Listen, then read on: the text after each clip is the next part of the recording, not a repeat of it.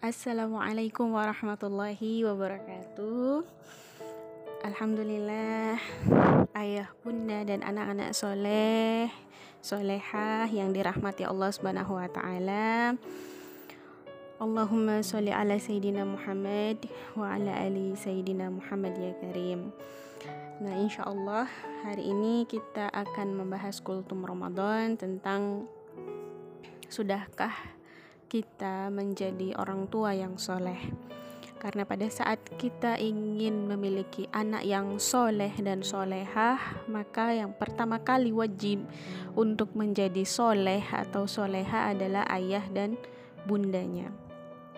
Pertanyaannya, apakah ada anak di dunia ini yang dilahirkan tidak dalam keadaan fitrah? Ya, karena kullu maulidin yuladu alal fitrah. Fawabah. Ya setiap anak itu dilahirkan dalam keadaan fitrah maka tergantung bagaimana kemudian dia dibentuk ya oleh orang tuanya.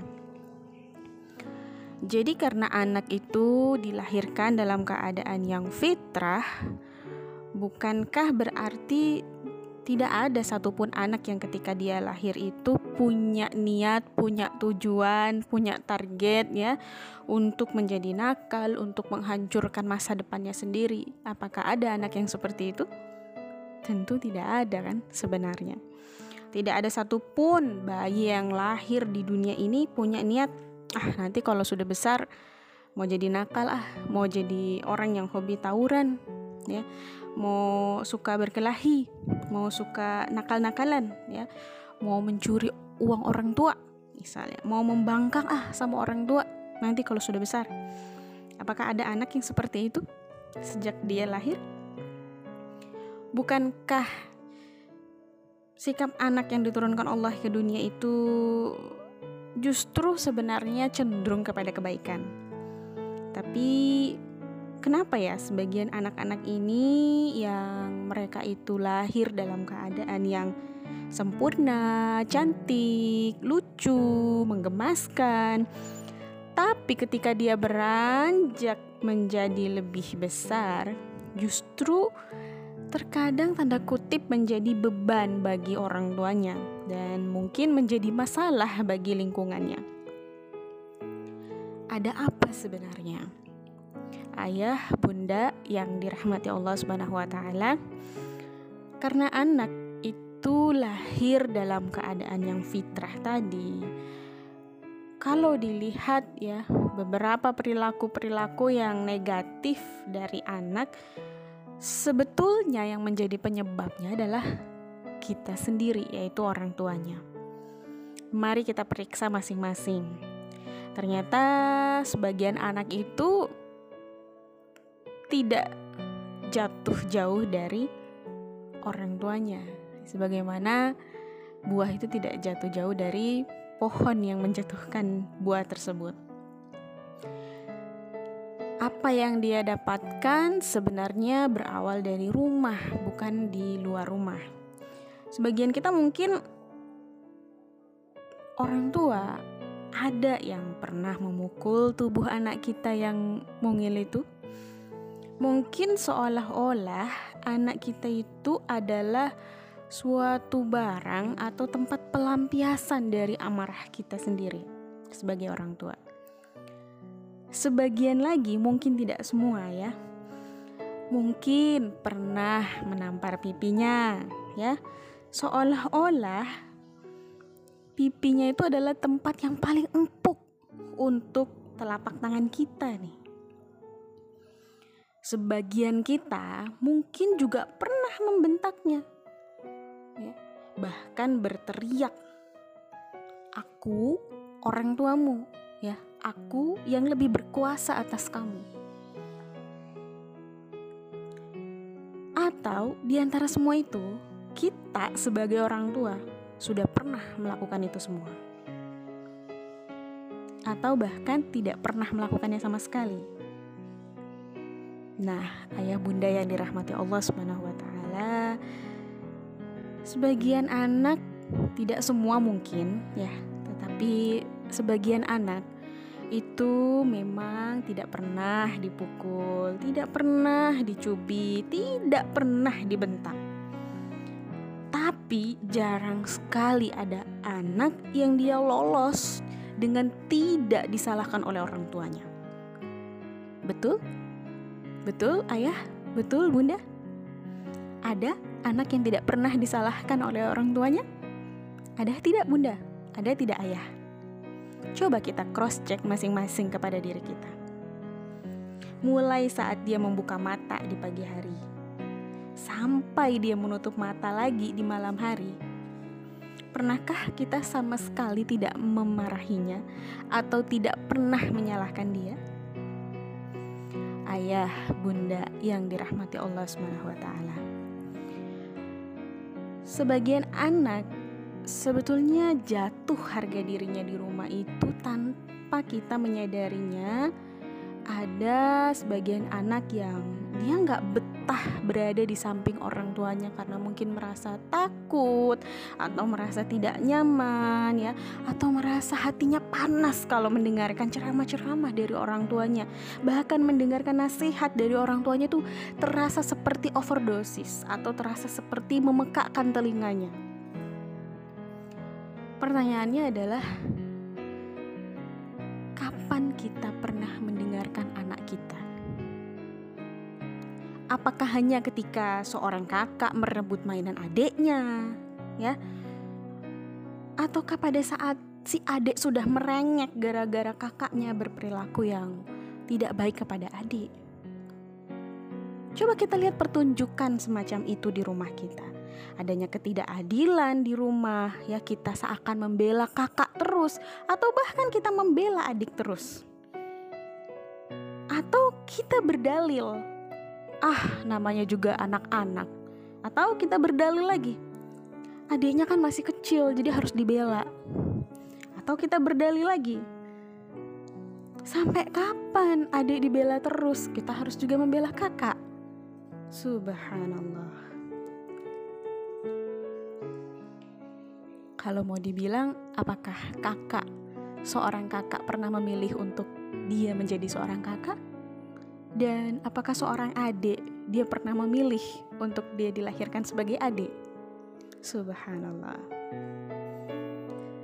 Ketidakadilan itu terkadang uh, hadir ya atau ada di dalam rumah dan kita sebagai orang tua ternyata terkadang tidak mampu untuk menghandle keadilan dan ketidakadilan yang terjadi di rumah kita sendiri. Kadang seorang kakak sampai mengatakan, gak pengen punya adik seperti ini. Adik juga mengatakan, gak pengen punya kakak yang seperti itu. Ayah, bunda, yang dirahmati Allah Subhanahu wa Ta'ala. Sebagian anak itu dijatuhkan harga dirinya di dalam rumahnya sendiri. Sebagian anak akhirnya gak betah berada di rumahnya sendiri. Seakan-akan rumah itu hanya sekedar tempat tidur, hanya tempat untuk istirahat saja sementara. Lalu dia kemudian berusaha untuk mencari harga dirinya di luar rumah entah itu lewat siapa pun. Dia berusaha untuk mencari pujian orang lain, dia berusaha untuk mencari perhatian orang lain. Dia berusaha untuk mencari kasih sayang dari orang lain. Sesuatu yang dia harapkan hadir di dalam rumah, tapi dia tidak dapatkan, akhirnya dia melakukan itu untuk mendapatkannya di luar rumah. Karena baru saja dia ingin berbicara, ayah bunda mengatakan diam, diam, diam dan jangan bicara. Lalu nanti kita bersumpah serapa sebagai orang tua kita menyalahkan lingkungan, kita mengatakan lingkungannya rusak, mereka sudah merusak anak-anak kita dan seterusnya tanpa kita pernah sadari apakah kita sebagai orang tuanya, ayah dan bundanya kita telah berbincang, berbicara dari hati ke hati kepada anak kita. Apakah kita, sebagai orang tuanya, sudah menghormati jiwa anak-anak kita? Karena hubungan kita dengan anak kita bukan sekedar masalah uang, bukan masalah hubungan tentang jajanan dia, mainan dia, atau sekolah yang dia harus kita bayar, bukan hanya sekedar itu. Karena itu adalah tanggung jawab kita untuk memenuhi hak dia. Dan itu semua adalah suatu yang penting. Tapi jauh daripada itu semua, perkataan kita perlakuan kita dengan penuh cinta dan kasih sayang dari kita untuk dia itu adalah warisan yang paling indah yang sangat-sangat dia harapkan dan sangat-sangat berguna untuk masa depan dia. Pertanyaannya, mengapa kita marah kepada anak? Apa karena mereka tidak mau makan? Atau karena mereka tidak mau gosok gigi? tidak mau mandi, tidak mau sekolah, bahkan tidak mau beranjak dari bangun tidur. Pertanyaannya lagi, untuk apa sih sebenarnya mereka makan? Untuk apa mereka gosok gigi?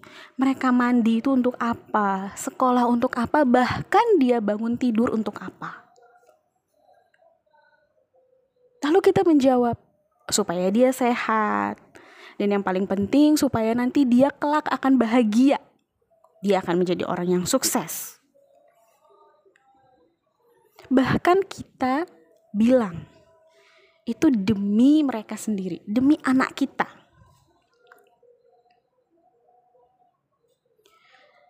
Tapi apakah bahagia demi mereka jika hati mereka justru kita sakiti?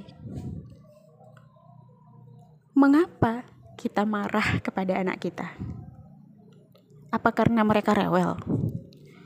Atau karena mereka nangis terus? Atau karena mereka tidak bisa diam? Atau karena mereka melakukan itu semua yang membuat kita merasa jengkel karena kita telah capek bekerja atau mengurus rumah dan sebagainya. Ayah bunda yang dirahmati Allah Subhanahu wa taala.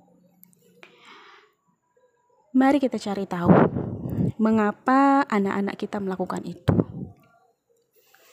karena menekan mereka, mulut mereka akan semakin bisu. Tapi dengan kita mendekat mereka, kita akan jadi tahu, mendengarkan hati mereka, mengetahui akar masalahnya ada di mana. Kita akan menjadi tahu. Oh, ternyata mereka haus, sekedar haus. Oh, ternyata mereka lapar. Oh, ternyata mereka bosan Akhirnya mereka membuat masalah di rumah. Lalu apakah dengan mereka merasa lapar, haus, bosan, lelah, capek ya dan sebagainya? Apakah mereka berdosa? Bukankah mereka tidak berdosa dengan perasaan-perasaan itu semua?